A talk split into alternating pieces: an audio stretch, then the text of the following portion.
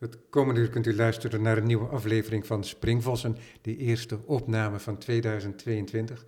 Mijn naam is Robert van Altena en vandaag ben ik op bezoek bij Nick Hendricks. Dankjewel Nick dat je me ontvangt.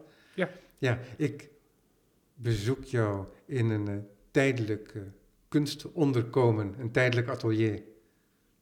Ja.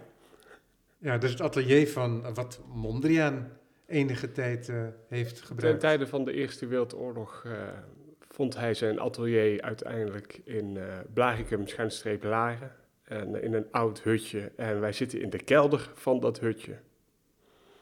Ik heb me dat altijd voorgesteld als een hutje op de hei. Maar het bevindt zich gewoon binnen de bebouwde kom.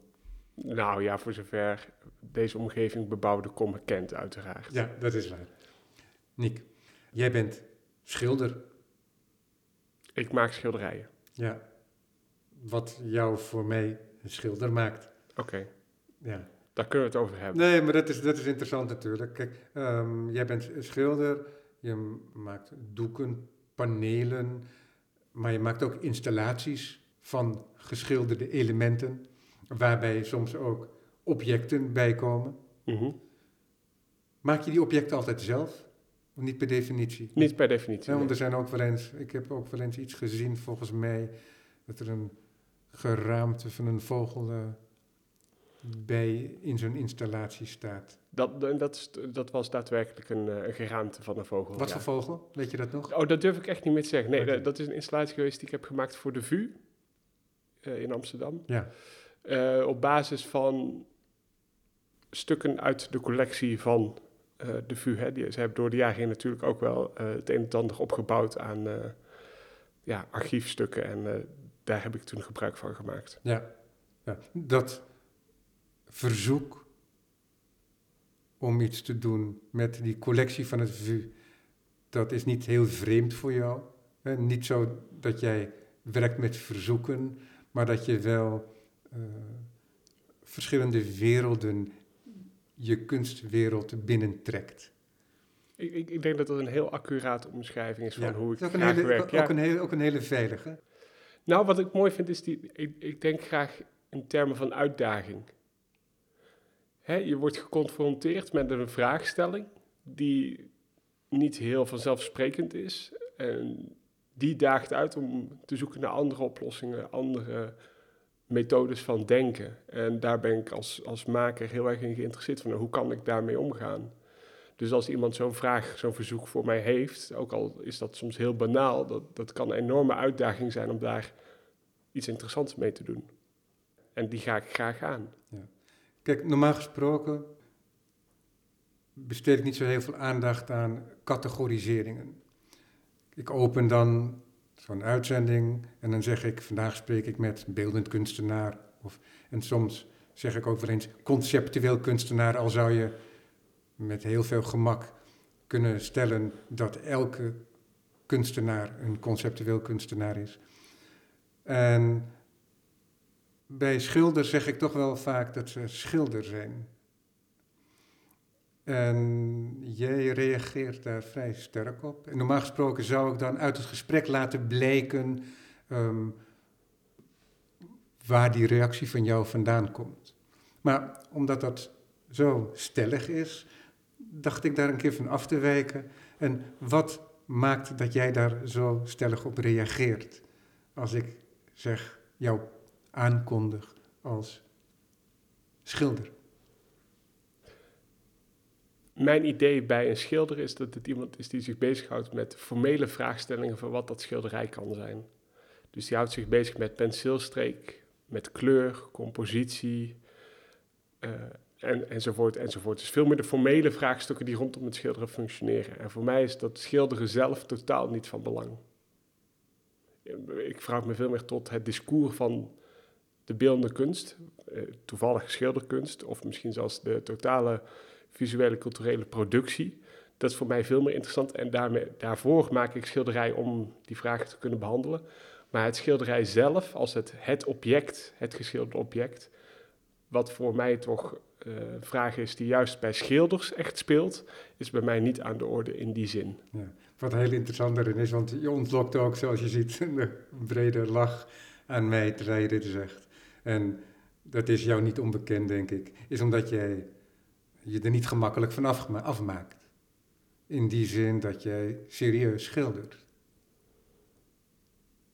Is dat een strikvraag? Of, uh... Dit is geen strikvraag. Het is eigenlijk uh, meer een stelling en dan laat ik, ik, een pauze vallen en dan kun je op reageren of niet. Ik, neem het niet eens een vraag. Ik neem het natuurlijk wel heel serieus wat ik doe. Uh, weliswaar met veel plezier en enthousiasme. Dat nee, maar ik bedoel, je, je zou ook op andere manieren kunnen refereren. Dus in een soort, op een soort gereduceerde manier. Dus, want je kunt bepaalde dingen al oproepen mm met heel weinig middelen. Het uh, Chinese karakter voor mens, ren, uh, dat is uh, een staak met twee pootjes. Mm Zo eenvoudig kan het zijn. Maar je kunt ook een mens schilderen zoals die ooit door Rembrandt of wie dan ook is neergezet. Zoveel ruimte zit daartussen. Ja. Dus als ik dan zeg dat jij je toch wel veel moeite getroost om dingen op een bepaalde manier te schilderen, dan zit jij er meer richting de ene kant van de balans dan richting het Chinese karakter. Ehm, in, de, in de wijze waarop ik de schilderijen maak, denk ik dat dat juist is. Alleen voor mij is het veel interessanter als we die analogie aanhouden, Rembrandt versus het Chinese karakter ik vind het heel interessant waar die spanning tussen die twee vandaan komt. Hè? Want allebei representeren ze iets vanuit een bepaald paradigma. En het Chinese karakter is vanuit het idee van lezen.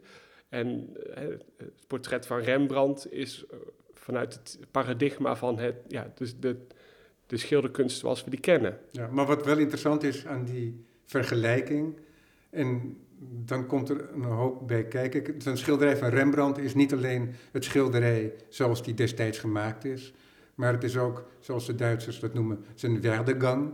Hè, dus hoe het, de waardering in de loop van de geschiedenis is geweest. Mhm. En die is heel uiteenlopend geweest. En ook de manier waarop er naar gekeken wordt is een andere. Als je nu kijkt naar een vervalsing van Van Meegeren, of überhaupt naar een vervalsing uit een bepaalde tijd, dan zie je bijna altijd, en dat is nu heel gemakkelijk zeggen omdat je er buiten staat, dat het een bepaalde blik is op een werk uit het verleden, uit een bepaalde tijd. Dus die blik is ook al historisch geworden. En daarom is het zo gemakkelijk om later, als je buiten die blik, je buiten die blik bevindt, om te zien dat het een vervalsing is, bijvoorbeeld. Misschien gaat het niet altijd op, ik ben geen kenner, maar dat is wel een beetje hoe het werkt. En daarin kun je zien ook dus dat het, een werk, eenzelfde werk ook een verschuivende betekenis kan hebben. En dat is ook interessant aan, zo'n, aan dat Chinese karakter. Is zo'n, dit is dan een heel enkelvoudig karakter, maar je hebt ook karakters die veel complexer zijn. En dat is dan een bepaalde aanduiding, maar die aanduiding die kan heel erg veranderen in het gezelschap van een ander karakter. En dan krijg je een soort um, semantisch vliegwiel dat dan gaat werken. En dan wordt het gecompliceerd. Ja. En dat is iets. We hebben net geconstateerd dat jij meer aan de kant van Rembrandt zit, maar aan de andere kant dit karakter van dat wat ik dan nu het semantische vliegwiel noem. Dus dat er een soort betekenisproductie op gang komt door uh, vernieuwing van context. Mhm. Dat is waar jij thuis bent. En dat is waarom jij fronst bij de eenvoudige karakterisering van schilder. Ja, uh, ja ik denk, uh, je hebt het dan over Rembrandt. Ik moest ook meteen denken eigenlijk aan de man met de gouden helm hè, uit, uit Berlijn portret van een man met een gouden helm, die ooit van Rembrandt zou zijn, hing in de eregalerij van het museum. En een aantal jaar geleden zijn ze erachter dat het toch geen Rembrandt kan zijn. En dan hangt hij nu in een hoekje. Dus hè, van topstuk naar eigenlijk een soort van derde rang. En omgekeerd, hè, we hebben, je had het net over Han van Meeger die Vermeer kopieerde. Maar Vermeer is natuurlijk pas ontdekt in de 18e en 19e eeuw door een Duitser nota bene die de fotografische blik van Vermeer herkende. Lange tijd was Vermeer ook gewoon een, een, een niemand. Dus de, de context bepaalt heel erg hoe die beelden gelezen worden. En, en ja, de, ik vind de, de vergelijking met die Chinese karakters heel interessant, omdat dat inderdaad, hè, je noemt het het semantische vliegwiel. Uh, dat geldt voor alle beelden, alleen we zijn ons daar niet vaak terdege van bewust. En ik vind dat een heel interessant uh, ja. vraag. Ja, ja. ja nee, interessant, zeker. En dat speelt zich ook buiten de schilderkunst af. Want Vermeer wordt ook een belangrijke kunstenaar in bijvoorbeeld À la recherche du temps perdu, de grote romancyclus van Marcel Proust. Dat wordt een referentiepunt. En daar ga ik je nu niet verder mee lastigvallen, maar dat gebruik ik alleen maar om aan te wijzen wat voor een betekenis dat dan kan krijgen. En ja, dat zich dat voortdurend uh, verplaatst. Ja. Nou ja, we hadden het natuurlijk ook, hè, we zitten hier in het atelier van Piet Mondriaan. Mark Manders die zegt heel mooi, hoe zou de wereld eruit zien als je Piet Mondriaan eruit zou halen? Hè, dat zou een totaal andere wereld zijn geweest. Hè? De stijl, uh, Bauhaus, hè? De, de, implicaties van een bepaald artistiek discours. En of dat nou Mondriaan is of de, dat maakt dan eigenlijk niet zoveel uit. kan verregaande implicaties hebben voor hoe die wereld zich ontvouwt en betekenis uh, geeft. En, en dat vind ik als kunstenaar zeer interessant. Dus vandaar dat ik inderdaad twijfel bij de karakterisering van uh, schilder, omdat ik denk dat mijn werk niet per se zich verhoudt tot de, de schilders zoals we die normaal gesproken kennen. Ja, ja. Toen ik jou over de telefoon sprak, over een mogelijk interview, toen stelde ik jou voor om een werk uit te kiezen. En toen zei jij, nou misschien kun jij een werk uitkiezen. Mm toen zei ik ook zo van, ja, maar het is ons eerste gesprek en ik vind het heel leuk om vaker met kunstenaars te spreken. Ah, dus eigenlijk meer een soort introductie, stelde je toen. En toen zei je, nou dan heb ik wel wat, want ik heb visitekaartjes. Daar heb ik ja. eens van gehoord. Iemand heeft me er wel eens over verteld, of misschien heb jij het zelf wel verteld, dan had je niet meer bij je. Ik was in Rotterdam, denk ik. Een keer. Dus, en er ligt er nu eentje opengevouwen voor me. Dat is in die gevouwen toestand is het ongeveer A5 Zoiets, ja. En misschien net iets kleiner. Het, ja, het, is ook, het is klein. Het is iets kleiner. Ja, het is klein. Het is lekker handzaam. Maar als je het uitvouwt, heb je dus acht A5'tjes, mini A5'tjes, voor- en achterzijde bedrukt. En dat zijn verschillende beelden die daar bij elkaar zijn geplaatst maar bijvoorbeeld ook een foto van een installatie. Die installatie die bevindt zich hier nu ook naast ons. Nee, dat is een andere installatie, maar dezelfde kleur komt terug. Want wat heel interessant is nu, waarom ik, waarom ik dit zeg, en is, kijk, ik zit hier aan een blankhouten tafel. Voor mij zit Nick Hendricks. Nick Hendricks die draagt een geel oranje-geel sweatshirt. Dus geel met een oranje gloed.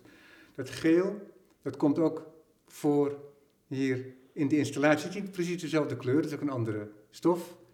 En dat komt ook voor in de kast hier achter je. Dus, en die kast is ook van het blankhout. Blankhout komt ook voor in de kast, in het framewerk van je, van je installatie hier. Dus het lijkt net alsof wij helemaal in een soort vermenigvuldiging van jouw werk zitten.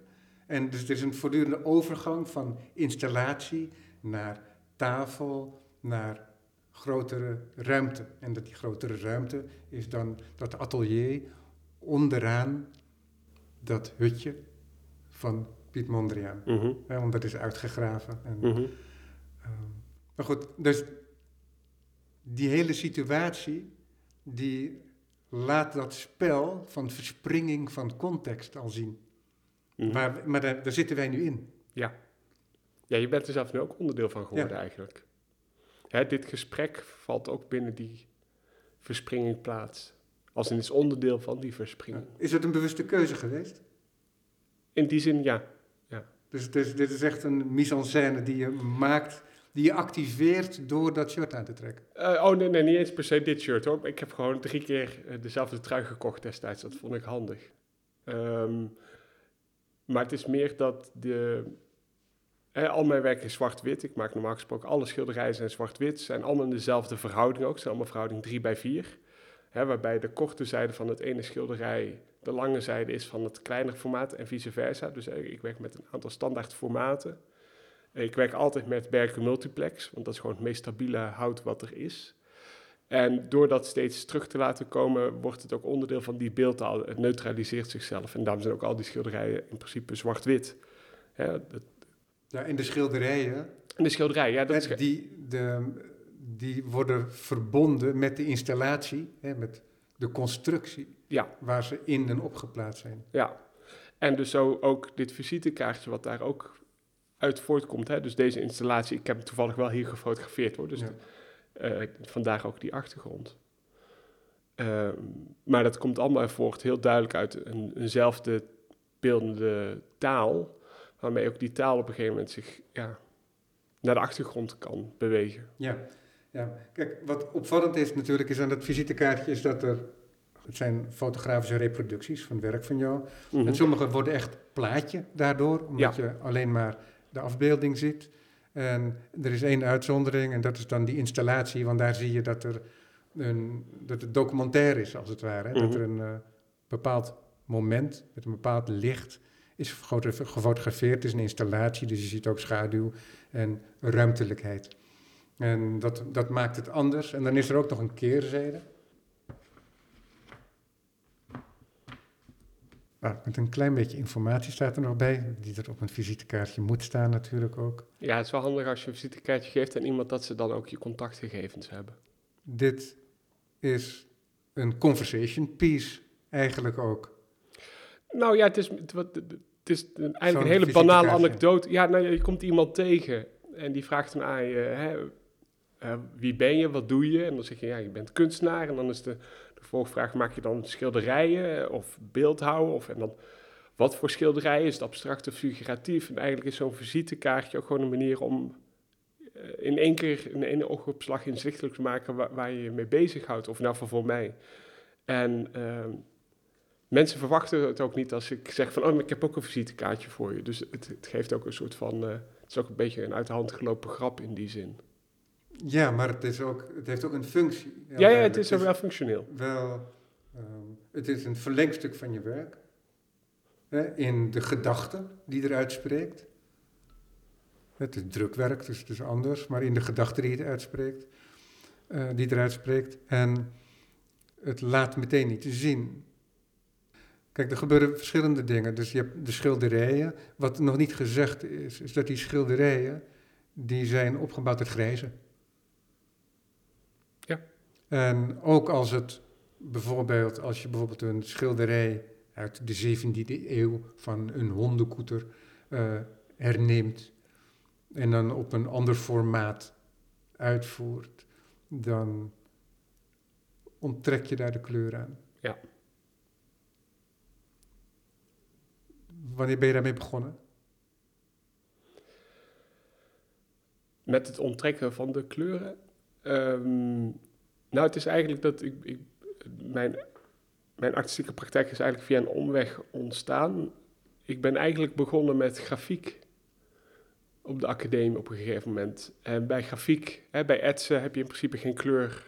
Of ja, dat kan wel, maar uh, dat was allemaal in zwart-wit. En toen ik dat ging vertalen naar een schilderkunstige uitspraak, werd dat, ja, was kleur eigenlijk helemaal niet nodig. Dus werd ook zwart-wit. Dus daar komt het eigenlijk die zwart-wit uit voort. Ja. En, maar uh, daar zit ook hè, dus de grafiek, dat idee van reproductie. Uh, daar is er altijd al geweest. vertrouwd mee. Ja. Ja, ik maakte, het mooie van etsen vond ik eigenlijk vooral dat je hè, met, dat, met het afslaan van de inkt, dat je eigenlijk, hè, ook al is dat beeld, de voorstelling steeds hetzelfde, de wijze waarop je dat beeld behandelt kan enorme gevolgen hebben voor hoe, zich, hoe dat beeld zich manifesteert. Dus dat netwerk van die beelden verandert automatisch met iedere afdruk steeds mee. Of dat kun je doen. Nou, Hercules Segers is een kunstenaar. Ja, een heel goed die, voorbeeld. Uh, ja, die dat centraal heeft gemaakt aan zijn kunstenaarschap. Ja. Bijvoorbeeld. Ja. Maar ja, inderdaad ook mooie effecten. Ik herinner me ooit een tentoonstelling gezien te hebben, een jaar of tien geleden, denk ik, van Lucas van Leden. En daar zag ik een voorstelling en in de catalogus stond er een Eds was dat, meen ik, van Raimundo. En Raimundo is een leerling van Michelangelo. En die was die compositie van Lucas van Leiden tegengekomen via een grafische representatie. En die ging gemakkelijk de Alpen over. En die zag dat dat goed was en die heeft dat toegepast, zelf weer in een werk van hem. Ja, en, Dus, en- dus zo eh, reizen, de beelden natuurlijk ook versneld via reproductie. ja, Dürer heeft daar zijn hele imperium mee op kunnen bouwen. Ja. En eh, Raimundo was natuurlijk ook hè, de inspiratiebron voor eh Déjeuner sur l'herbe van eh, Manet. Dus, dus die beelden die, die reizen sowieso. En nu met het internet gaat het al helemaal heel snel. Ja, nee, maar dus, dat bedoel ik. Maar die vermenigvuldiging en dus die hercontextualisering, die bestond in het verleden ook al. En in het verleden waren er ook al versnellers, hè, via de drukkunst, Mhm. ehm, om dat mogelijk te maken. En nu ja, is alles eigenlijk al present. Zou je, eh, Ja. kun je, je kunt bijna alles opzoeken. Ja, als het niet op het internet staat, bestaat het niet. Zou je bijna kunnen zeggen. Ja, ja. Maar jij maakt geen plaatjes. Je, je, je, dus, er zijn een aantal dingen. Dus een, je maakt een selectie. Mhm. Maar de bronnen waaruit je selecteert, die kunnen uit verschillende werelden komen. Mhm. Heb jij voor jezelf gedefinieerd uit wat voor werelden jij put? Dus we hebben de klassieke schilderkunst hebben we al genoemd. Ja. Ehm, de, de, de klassieke schilderkunst is een hele goede. En dan met name, eh, laten we even zeggen, de Nederlandse Gouden Eeuw. Hè, dus de schildertraditie uit, uit heel specifiek de periode die we zo noemen. Omdat dat eigenlijk ook internationaal... Hè, ik denk, ik bijna als anekdote... Ik had een tentoonstelling in Praag een paar maanden geleden. En ik ben toen ook naar, het, naar de musea daar in Praag geweest. En eh, een van de musea was de, de Oude Meesters, Museum voor de Oude Meesters. Dus ik dacht, nou, dan gaan we nu de, hè, de Rembrandt van Tsjechië zien. Ik was er erg naar nieuwsgierig. En vervolgens hangt driekwart van het museum vol met Hollanders. De, de- dezelfde Douw, Rubens, Rembrandt als die we hier in Nederland hebben. Dus die, die Nederlandse Gouden Eeuw is eigenlijk best wel... eh, heeft een enorme stempel gedrukt op het paradigma van beeld. Ja, er is ook een krankzinnige productie tot stand gekomen. ja, ja, maar ook hoe die dus internationaal ook nu nog act, hè, want dat, die invloed die, die ettert gewoon nog lekker vrolijk voort. Die heeft enorme implicaties voor hoe wij nu naar beeld kijken. Hè. Dus het idee van een pronkstilleven is gewoon exact hetzelfde als een, een reclame tv nu voor lekker eten of deodorant of god mag weten wat. Hè. Dus die paradigma's die etteren nog steeds door. Dus die Waarom Nederlandse... noem je dat etteren? nou, omdat de implicaties daarvan niet per se even positief zijn. Hè, wij zijn visueel ingestelde wezens voor een groot deel. Hè, dus wij begrijpen onze wereld door onze ogen. Ehm, en daarmee worden we ook hè, gemanipuleerd door bedrijven. Hè, eh, reclames, logo's. Ehm, maar wij kunnen normaal gesproken als mens nooit terug praten naar die reclames, naar die logo's, naar die, die films, naar die computerspellen, Facebook, noem het allemaal maar op. Dus we worden alleen maar een consument van die beelden. En wil je daarop terug kunnen praten, moet je grip hebben op die, hoe die beelden functioneren om terug te kunnen spreken met andere beelden. En voor mij is dat dus ja, op zoek gaan naar de bron van die beelden. Dus die taal die zij hanteren, waar komt die uit voort? Hoe zetten zij die in? Vanuit welke ideeën kunnen ze die inzetten? Hoe heeft dat grip op ons als subject? En daarvoor is die Nederlandse Gouden een heel goed voorbeeld. En een andere bron voor mij is nieuwsfotografie. Maar dan probeer ik het vaak op zoek te gaan naar de beelden die loskomen van de anekdote. Dus hier, we hebben hier ook een schilderij staan van de brandende auto. Ja, of dat nou van de rellen in, in Frankrijk is van een paar jaar terug. Of eh, hè, een, een ander evenement waarbij auto's in brand gestoken waren. Daar gaat het niet zo om. Maar het is wel dat, dat idee van dat beeld. Hè, het roept een enorme hoeveelheid geweld op. Maar het is ook gewoon een heel mooi beeld om naar te kijken uiteindelijk. Hè. Het is mooi vuur. Ja, vuur is fascinerend. Vuur is fascinerend. We zien er van alles in, zoals wolken ook dat kunnen zijn. Dus die, er zijn een aantal categorieën, categorie, categorieën van beeld waar ik uit put. Maar die komen, hebben altijd een hele belangrijke positie in, laten we zeggen, de geschiedenis van beeldcultuur. waar ik naar op zoek ben. Oh, ze hebben al een belangrijke positie, dus ze, hebben, ze zijn op een bepaalde manier al een soort icoon. Ze Eh, representeren al op een bepaalde manier heel duidelijk een Betekenis. bepaalde wereld. Ja, ja. Ja. En welke werelden zijn dat nog meer dan? Dus dan heb je een nieuwsfotografie. Nou, Dus- dus ook stookfotografie, reclamefotografie. Eh, dat- niet per se omdat het fotografie is, hoor, maar meer over hoe die... Het zijn allemaal eh, discoursen van beeld die een hele grote positie innemen binnen ons, ja, binnen ons bewustzijn van beeld. Beeld en dus eigenlijk ook eh, via dat beeld van de wereld. Ja, ja. En- dat is steeds belangrijker geworden gezien de tijd die we op het web doorbrengen. Nou, ik denk daarvoor ook al wel. Hè? Dus, dus sinds, je zou kunnen zeggen, sinds dat Walter Benjamin eh, hè, eh, over reproductie schreef, ik denk dat dat heel duidelijk het moment is waarop dat bewustzijn ontstond. Ja, hè? over Dus de mechanische reproductie. mechanische reproductie van, van. Het is niet alleen meer, het is nu niet meer mechanisch, maar de, de memificatie, hè? dus de herhaling van steeds hetzelfde. eh, de, uiteraard gaat dat via internet nog sneller dan voorheen, maar daarvoor eigenlijk ook al eh, hè, films. ehm, ja, propaganda, de uitvinding van propaganda is denk ik ook heel Nou, het cruciaal. speelt ook een belangrijke rol in de hedendaagse kunst. Hè. Jij doet dat, Thomas Raad maakt er gebruik van. Er zijn er heel Ehm, veel. Marijn eh, van Krij en ik, ik, ondanks nog Atusa Bande Jassaba, die sprak ik daarover. Ja. Dus, en ieder op een hele eigen manier. Dus vervolgens, en dat is, vind ik altijd zo fascinerend, ehm, kun je die, laten we zeggen, gezamenlijke bron niet meer terugzien aan het werk. In die zin dat het allemaal zo'n eigen uitdrukking krijgt weer. Ja. Ja, al denk ik wel dat zo iemand als Atusa bijvoorbeeld is echt wel weer een schilder, vind ik. Ehm, als in, er, gaat, er, er komt een heel duidelijke laag van het subjectieve eh, bij haar eroverheen. En dat vind ik ook heel knap. Maar voor mijzelf ben ik veel meer op zoek als kunstenaar in elk geval naar...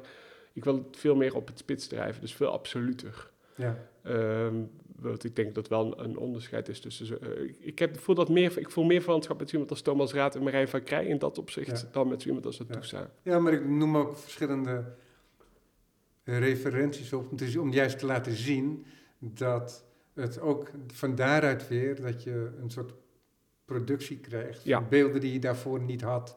Het is niet per definitie zo dat als je je bezighoudt met die technische reproductie de- en niet alleen de technische, maar ook de conceptuele reproductie, Mhm. want dat is wat je nu zojuist aangeeft als je het hebt over het belang van het creëren van beeld in de 17e eeuw en hoe, wat voor rol dat nu nog speelt. Mhm.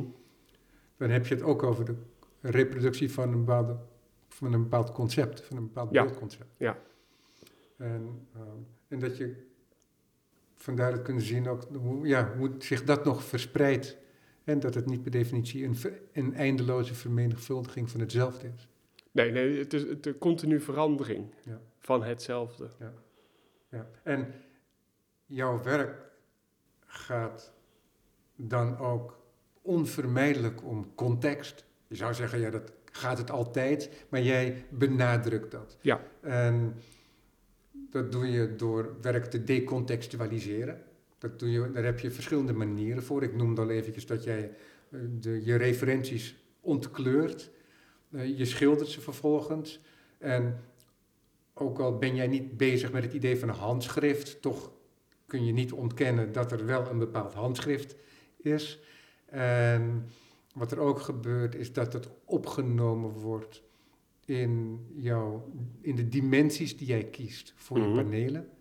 En ook het feit dat het die panelen zijn, waardoor ze zich ook weer schikken naar je universum. En wat er dan vervolgens ook gebeurt, niet altijd, maar wel heel vaak, is dat die panelen en soms ook met objecten bij elkaar worden gebracht in een installatie. Het is een wandinstallatie doorgaans. Als hier hebben we een heel groot ja, wandpaneel Mhm. met in het midden een verticale kleurstrook. Dus we hebben een klassieke driedeling Mhm.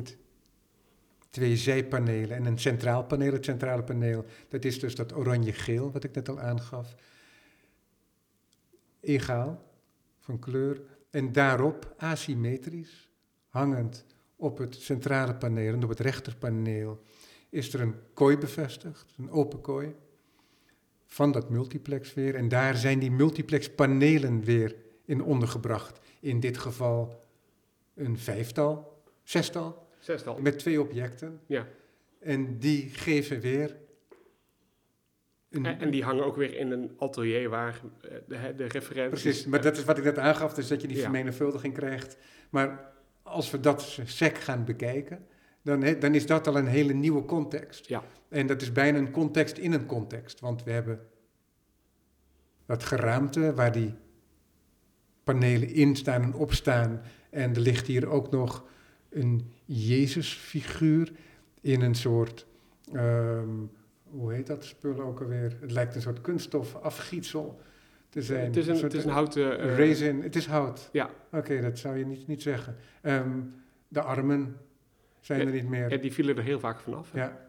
En er is nog een soort sponsachtig, koraalachtige bol.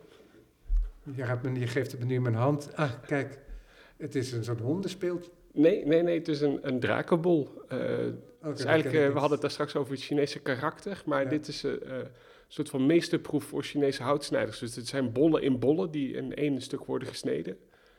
Traditioneel uit ivoor of steen. Ja, en die zitten ook los in elkaar. En ik, Ja. ik, ik onderscheid zo drie bollen, misschien zit er nog wel eentje. Een stuk of negen.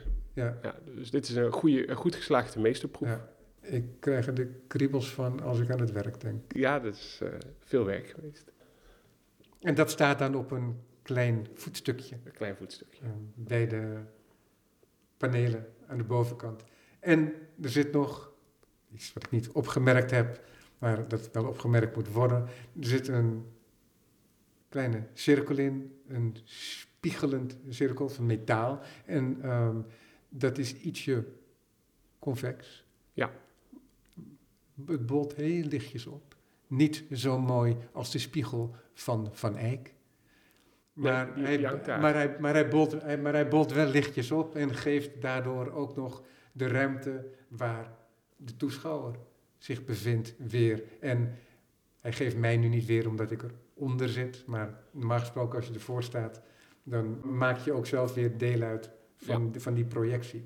Deze lange beschrijving om dat idee van context weer te geven en dat jij al hier al verschillende contexten biedt. En dat er al heel, heel veel bij elkaar komt. Er zijn al verschillende tijden komen er bij elkaar. Mhm. Verschillende werelden komen bij elkaar. En je krijgt niet alleen context, maar je, je krijgt daardoor ook een soort optelsom van betekenis.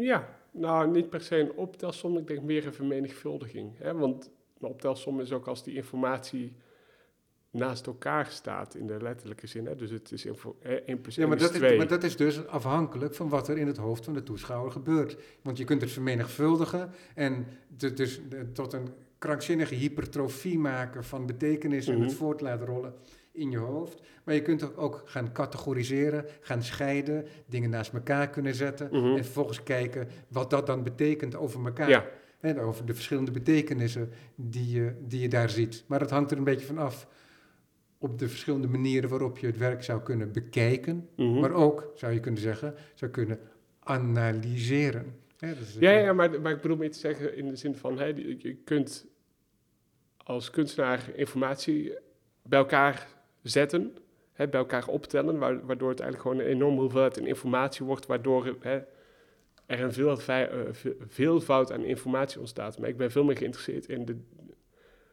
die enorme afstand die verschillende informatie kan hebben en vervolgens die bij elkaar brengen. Dus ondanks, hè, we hebben het over zes schilderijen in dit geval, hè, maar die zes schilderijen komen uit totaal andere werelden. Het hadden ook zes schilderijen kunnen zijn uit eenzelfde wereld, waarbij die dwarsverbanden en die analyses, dat die veel eenduidiger zouden zijn. En voor mij gaat het veel meer over het oprekken van die grenzen, van die werelden. En ook de wereld in, eh, hè, zoals wij die als subject kunnen ervaren.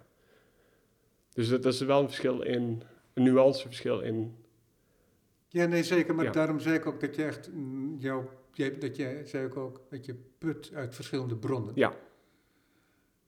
En waardoor die beelden geïntroduceerd worden Ja. bij elkaar en samen een geheel vormen, maar niet per definitie. Hè? Want je wil ook, denk ik, dat het zich weliswaar bij elkaar voegt, maar dat er een overgang is. Want anders had je ze net zo goed bij elkaar kunnen schilderen. Ja, het had het één ding kunnen zijn. Ja. En dat is niet waar je mee bezig bent. Dus die harde overgang, die benadrukt wordt omdat je vrij dikke multiplex panelen gebruikt, die wil je laten zien. Waardoor er bij mij een soort vrijheid bestaat om zelf verbanden te leggen. Ja. En die verbanden die niet gedwongen in één compositie zitten. Die compositie die zou mijn blik weer sturen en dwingen. Mhm. Had ook gekund. Eh, ja, ja, nee, maar dat is inderdaad, nee, die eh, soort van, laten we het even de vrijheid van de analyse noemen. Voor, voor, niet alleen voor jou als toeschouwer, hè, voor mij als ma- maar ook voor mij als maker is het soort van modulaire eh, vraag steeds weer opnieuw. Ja. Hè, dus de constellatie zoals we die hier nu zien, met alles erop en eraan, van de, hè, de, de, de vlakken op de muur, de spiegel, de crucifix, de, hè, de drakenbol, de zes schilderijen, dat is allemaal modulair. Die vraag kan zich steeds weer opnieuw formuleren. Dus deze zes beelden die hier nu staan zijn niet zozeer willekeurig, maar wel eh, modulair van aard. Dus het zou ook anders kunnen zijn. Ja. Maar het zijn wel stuk voor stuk, ik noemde al het woord icoon eventjes. En een icoon, dat is een, daar, daar kun je heel veel uitleggen over geven natuurlijk. Maar dat wil ik nu hier, hiertoe beperken, is dat het ehm, een, soort vrij, een soort eenduidigheid heeft. Ja. Van een ehm, bepaalde wereld ehm, die het representeert. Ja. En dus we hebben. Dat, is dat nou ook hondenkoeter of niet? Daar met dat aapje. Eh, eh, het aapje is wel van hondenkoeter, Ah, maar de rest is Wenix. Oké, dus, dus, dus die vrijheid die eh, geef je jezelf ook. In Nou, net, Wenix gebruikte letterlijk de stencil van de hondenkoeter. Oh, of andersom, daar kunnen we het nog over oh, hebben. op die manier. Ja, Wenix, dus dat is- Wenix dat- was de oom van dat is hondenkoeter. gevoelens fressen voor jou. Ja, dat, Dat- was de, ja. Hetzelfde dat aapje, in de, de hondenkoeter van het Rijksmuseum zie je exact hetzelfde aapje. Dat zit daar nootjes te eten ook. Ja. Eh, met een kakatoe en een paar andere Nou vogels. bestond er al de gewoonte dat er bepaalde schilders, die waren heel goed in bepaalde aspecten van de schilderkunst. Dus als er dieren nodig waren in een landschap en ik was goed in een landschap en jij goed in dieren, dan kon ik je uitnodigen om de dieren in mijn landschap te schilderen. Dus dat gebeurde ook. Nou, maar het gaat nog veel verder. Hè. Van, eh hondenkoeter is denk ik daarin ook een heel mooi voorbeeld. Hè. Er zijn, ik ben even het aantal schilderijen, composities kwijt, maar het, twintigtal composities met exact dezelfde pelikaan. Hè, zij gebruikten gewoon letterlijk stencils om een bepaald eh, dier steeds maar weer opnieuw te kunnen schilderen. Ja. Eh, dus ze trokken dat gewoon over. En daarom zijn die pelikanen ook op al die schilderijen exact hetzelfde. En daarom is dit aapje op dit schilderij hier... Ik bedoel, ik heb hem dan wel op een ander formaat geschilderd als dat Wenix het had. Maar ik herkende dat aapje van... hey, verrek, dat is hetzelfde aapje als wat Hondenkoeter ook in dat schilderij gebruikte. En leerlingen van Hondenkoeter gebruikten later dat datzelfde aapje ook weer. Dus ze hadden gewoon letterlijk een kast met laadjes. En in die laadjes zaten stencils. En in een van die laadjes zat, zat dus blijkbaar dit aapje. Wat dus heel vaak gebruikt is. En misschien ook door andere kunstenaars weer overgetrokken is. En et. Dus dat kopie en pasten van, in dit geval beeldelementen. Hè? Dus Photoshop avant la lettre. Maar dat, dat gebeurde toen ook al. Nick, als Ja. je verschillende dingen bij elkaar plaatst uit verschillende werelden. En dan heb ik het niet eens over het feit dat je ze bij elkaar brengt in panelen, waardoor ze wel weer bij elkaar gebracht worden. Hè? Dat zijn ook, ze worden in het universum van Nick Hendricks getrokken. Maar ook als je dat niet doet, maar verschillende elementen bij elkaar plaatst, dan gaan ze iets betekenen. Mhm.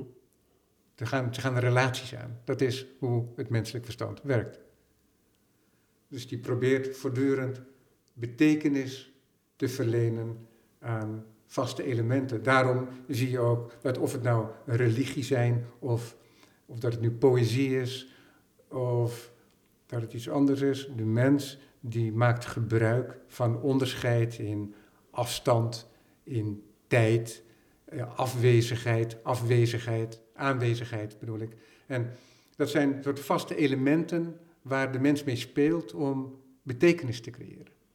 dat zien we in de grote bouwwerken uit het verleden en dat zien we ook in een hele eenvoudige minimalistische compositie. En we zien het ook hier weer gebeuren. Er komen verschillende dingen bij elkaar en ze gaan wat betekenen. Formuleer jij voor jezelf, als je aan zijn werk bezig bent, wat je ermee wil zeggen? Of ben je veel meer bezig met een soort vermenigvuldiging van mogelijke betekenissen? Maar is er één semantische wolk voor jou die dit bij elkaar brengt? Oeh, dat is, dat is een goede vraag. Het is niet zo dat ik vooraf een duiding heb waar ik naar op zoek ben. Ik heb wel vooraf dat ik een soort vraag heb waar ik naar op zoek ben. Hè, dus het kan zijn dat ik een bepaald, laten we het even een thema noemen, dat ik een bepaald thema in mijn hoofd heb vanuit een.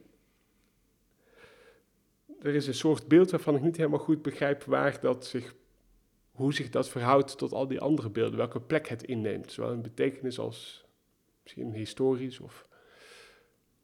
En door die te contextualiseren met andere beelden kan, kan dat veel meer een, een ankerpunt zijn. En dat is soms de vraag waar ik mee zit. Dus het kan zijn dat er een bepaald beeld is wat, wat al heel lang zo ergens door mijn archief heen zweeft. Wat opeens een, wat opeens een vraag wordt. Of een soort van, hé, hey, dit beeld zit nu al heel lang in, in mijn archief, maar er is iets mee en ik krijg er de vinger niet achter. Hoe, hoe kan ik dat context geven, waardoor het wel land. Of uh, misschien kom ik erachter dat het gewoon helemaal niet een, een, beeld is wat plek hoort te hebben binnen dat archief. Dus dat is misschien meer het antwoord op jouw vraag. Het is iets minder eenduidig wellicht. Het is niet zo dat ik heel duidelijk een betekenis heb, maar het is meer een vraag. En daarmee ga ik aan de slag. En die, die, die vraag maar, kan maar, maar je zegt nu een vraag, maar daarvoor zei je dat je meer op zoek bent naar een vraag. Nee, nee, nee, die kom ik tegen. Als, in Hè, als, als consument, hè, ik zei straks, we consumeren al die beelden. Ik word geconfronteerd met een bepaald beeld en ik denk van daar moet, daar moet iets mee gebeuren of daar is iets mee. En wat dat iets is, dat is dan eigenlijk de vraag. Ja, maar en met die vraag ga je aan het werk. Ja. Ja, maar en dat levert dan een bepaald werk op? Soms wel, soms niet ik, ik, ga letterlijk, ik print dat beeld uit. Of uh, hey, ik ga er letterlijk mee schuiven. Wat maakt dat jij een beeld uitkiest dat je het gaat schilderen? Nee, we hadden het er straks al over, hè, dat, dat icoon, of die icoonachtige kwaliteit, zoals jij dat noemde. Dat, dat is wel een van de, van de, de echte harde criteria die er zijn. Het beeld mag geen ambiguïteit hebben. Meer in de zin van op het moment dat je een heel ambigu beeld schildert, gaan mensen zich ook afvragen wat het zich voorstelt. En, en daar wil ik het niet over hebben in die zin, ja. wat het beeld voorstelt. Ik wil het hebben over wat dat beeld vervolgens representeert. Ja. Dus die voorstelling moet helder zijn. Ja, ja. Uh, hoewel het natuurlijk altijd te bediscussiëren valt. Weer. Wat dat, ja, uiteraard is dat toch een kleine We hebben hier bijvoorbeeld eh, van boven, uh, rechts begin ik dan. Ja. Of laat ik gewoon met de klok meegaan. Je mag ook. Dus, dus dan, hebben we, heb ik het niet over de liggende ontarmde Christus en, uh, en de drakenbol. Maar bij de drakenbol heb je een, een vlinder. Ik ben geen kenner, dus ik kan niet duiden wat voor vlinder het is. Misschien is het ook, want je ziet alleen maar tekeningen, geen kleur natuurlijk. Een vlinder die we van de zijkant zien. Mm -hmm. Dus um, een mooie vleugel, pootjes. En dat staat gedeeltelijk voor een wat groter paneel. En dat laat een staande lucifer zien. En um, die is ontbrand. Ja. Dus we zien een, een staande vlam. En omdat die zo staat in een zwart vlak, krijgt het ook iets van een beeld in het fotografische vlak. Hè? Ja, want, het, ja. want het heeft iets fotografisch. En rechts daarvan, die, die vlam en die lucifer, die wordt ingekaderd als het ware door de twee kleinere panelen. Ik noem dat eventjes de vlinder. En rechts hebben we een stijgerende eenhoorn. Origami-eenhoorn, hè? Ja, precies. En, Ja, dat ja, is dus inderdaad een, een, een schilderij van een beeldje hè, van papier. Ja. Dus dat is al een bepaalde wereld die je daar representeert. En daaronder hebben we dan, gaan we door, het gezicht van een vrouw, close-up, heel cinematografisch, maar het doet mij in eerste instantie ook denken aan een heel realistische striptekening. Oh, ja, ja, ja. Ja, ja. en ik ken, ik ken de bron niet en we zien een gelaat van een vrouw, gesloten ogen, open mond. En dat is ook omdat het zo, eh, zo'n erotiserend beeld is, ook met die open mond en stromend water over dat gezicht. Ehm, dat moet doet denken aan striptekeningen, want dat is toch heel vaak ook het geval. Ik weet niet wat de bron is van dat beeld. Eh, nou, dat, dat beeld ging eh, binnen bepaalde Pinterest, hè, dus dat is zo'n online social media platform, Ja. ging dat beeld een, een paar jaar terug helemaal viral binnen tekenaars als een soort van meesterproef om te laten zien hoe goed ze wel niet konden tekenen. Dus Ja, je- ja. Dit, dit beeld is zo vaak opnieuw gemaakt dat het ook heel lastig was om de originele maker te achterhalen. Omdat er dus duizend en één getekende zwart-witte varianten op dit beeld zijn. ja. Dus ik vond het een heel mooi voorbeeld van, eh, zelfs in de tijd van mechanische reproductie, waarbij op internet zo'n beeld eh, zwerft, zijn er binnen dat beeld dus enorm veel variaties, omdat het dus door totaal verschillende mensen getekend is. Het is steeds hetzelfde beeld over en over. Dus de voorstelling is exact hetzelfde, maar zelfs binnen al die tekeningen eh, is er een subtiel verschil. Dus ik vond het een fascinerend beeld. En dat dan weer op dat gecombineerde beeld. Van Wenix. Ja. Wenix en met een elementje van hondenkoet. Ja. En dan links daarvan, iets los, zien we een opspringende ja, border collie. Ja. Die ehm, op een buitengewoon atletische wijze in het luchtledige hangt. Als, ehm, Hij heeft de frisbee gevangen. Ah, hij heeft net een frisbee gevangen, maar hij heeft zijn pootjes voor, eh, voor zich. Ehm, en, en je ziet de, de achterpoten, zie je daar gestrekt erachter. Dat het net lijkt alsof hij als een eh, zonderland eh, net ja, over eh, de, de barrière, hoe heet dat ding, gaat. Die, eh, die, die, de vrije ligger, hoe heet, hoe heet zo'n ding? Ik ben ook helemaal niet bekend. Bedoel je nou paard? Wat bedoel je Nee, nou? nee, nee, nee. eh, ehm, De balk? Epke Zonderland was toch van de ringen? Ja, die- ja, je hebt de ringen, maar je hebt ook die, die, hoe heet het, die, die dwarsligger, waar ze dan op rondzwaaien en zo. Maar goed, het doet er ook niet toe. Maar eh, je, hebt, je hebt het idee. Ja. Dus, ehm, maar hij laat wel zijn tanden zien. Dus het is... Ja, hij moet Nee. toch ergens die frisbee Nee, mee vangen? natuurlijk, maar hij ontbloot daarvoor zijn tanden en dat geeft dat beeld toch wel een randje. Oh, gelukkig. Ja, ja, ja. Eh, dat, eh, hoe eenduidig een beeld ook kan zijn, er is altijd wel weer wat te vinden waardoor eh, ja het, moet er niet iets te, anders uit kan gaan spreken. het is mooi als het niet te geruststellend wordt. Ja. ja. Dus wij hebben hier mannelijke erotische fantasieën, ehm, andere mogelijk ook erotiserende fantasieën die tot mijn grote verbazing een enorme opkomst hebben gehad in de, kinderen, in de, in de kinderwereld. De eenhoorn. Oh, jezus, Mina. Eh, ja, nee, maar dat is natuurlijk... eh, is een heel Freudiaanse lezing. ja, nee, maar dat ontkom je bij een eenhoorn, ontkom je er niet aan. Eh, ja, nee, oké. Ja. Maar goed, en, dus de, en de lucifer, de brandende lucifer in combinatie met een Christus, dan krijg je toch al... Dat, dat, dat zegt ook wel wel iets. Ja, ik, mijn idee Ja, was er zijn heel veel... Of, weet je, ik, ik benoem nu wat dingen die aan de oppervlakte liggen van Ja. al die beelden. Ja, En ja, die kunnen zich gaan vermenigvuldigen. En dan kun je als een soort cryptogram kun je proberen dat te gaan lezen. Zo zit het ongetwijfeld niet in elkaar, maar daar nodigt het wel toe uit. ja. Ja. Wat voor titel heeft dit werk? Ehm, sorry, dat moet ik echt opzoeken. Durf ik niet met zekerheid te zeggen. Oké, nou, daar moet je zo meteen mee komen dan. Nou, ik zoek het ondertussen even op hoor. Ehm, maar de titel doet er vaak ook, ook voor mij niet zoveel toe hoor. De, de titels die ik uitzoek voor werk zijn ook vaak intentioneel verwarrend. Als een, hè, dus ik Ja, ja, extra dus om, laag. juist om geen semantisch kader weer te geven. Juist. Want ik denk dat dat... Dan, dan wordt het inderdaad... Hè, jij gaf Je wilde heel- niet al betekenis aangeven met je woorden. Nee, nee, nee, nee, nou, net zoals die lezing van jou die heel, laten we zeggen, Freudiaans eh, was. Dat, dat is nooit mijn eh, intentie geweest. Maar als je dat zou bevestigen met een, laten we het ook even zeggen, eveneens Freudiaanse titel, dan, dan haal je ook de angel uit dat werk. Nee, maar kijk, er zitten hier natuurlijk elementen in die van zichzelf al symbolisch zijn en niet alleen iconisch. Ja.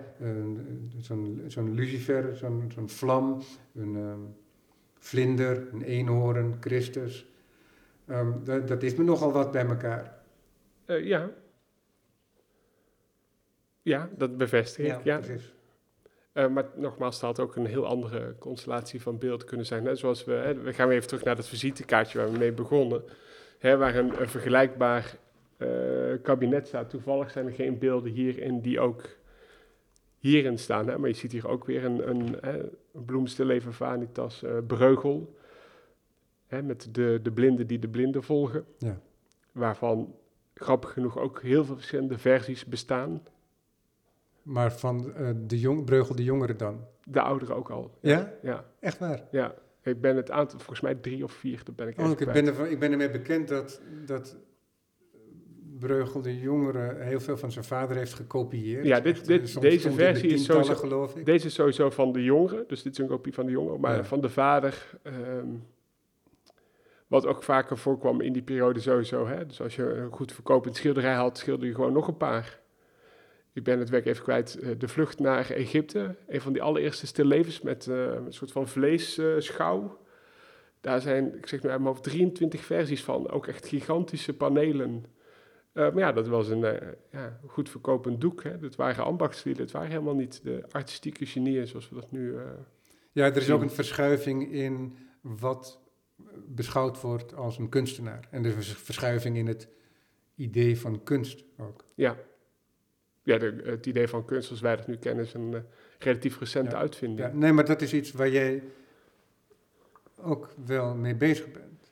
Omdat, weer teruggaand naar het begin van het gesprek, als ik zeg dat jij een schilder bent, ehm, dat jij daar je inhoudt om er niet direct op te reageren, omdat je vindt dat het toch iets anders zit. Mhm. En het zit natuurlijk ook iets anders, maar je bent ook schilder, omdat er heel duidelijk ook duidelijk ambachtelijke elementen aan je werk zitten. En dat is geen toeval, daar zit een groot ambachtelijk plezier ook mee verbonden. Uiteraard. Nee, het moet wel een beetje leuk blijven. Ja. Ja. Nee, maar en dus als we dan hebben over die verschuiving van betekenis van kunst en kunstwerk en van de positie van de kunstenaar, dan zit dat ook opgeborgen in je eigen kunstenaarschap.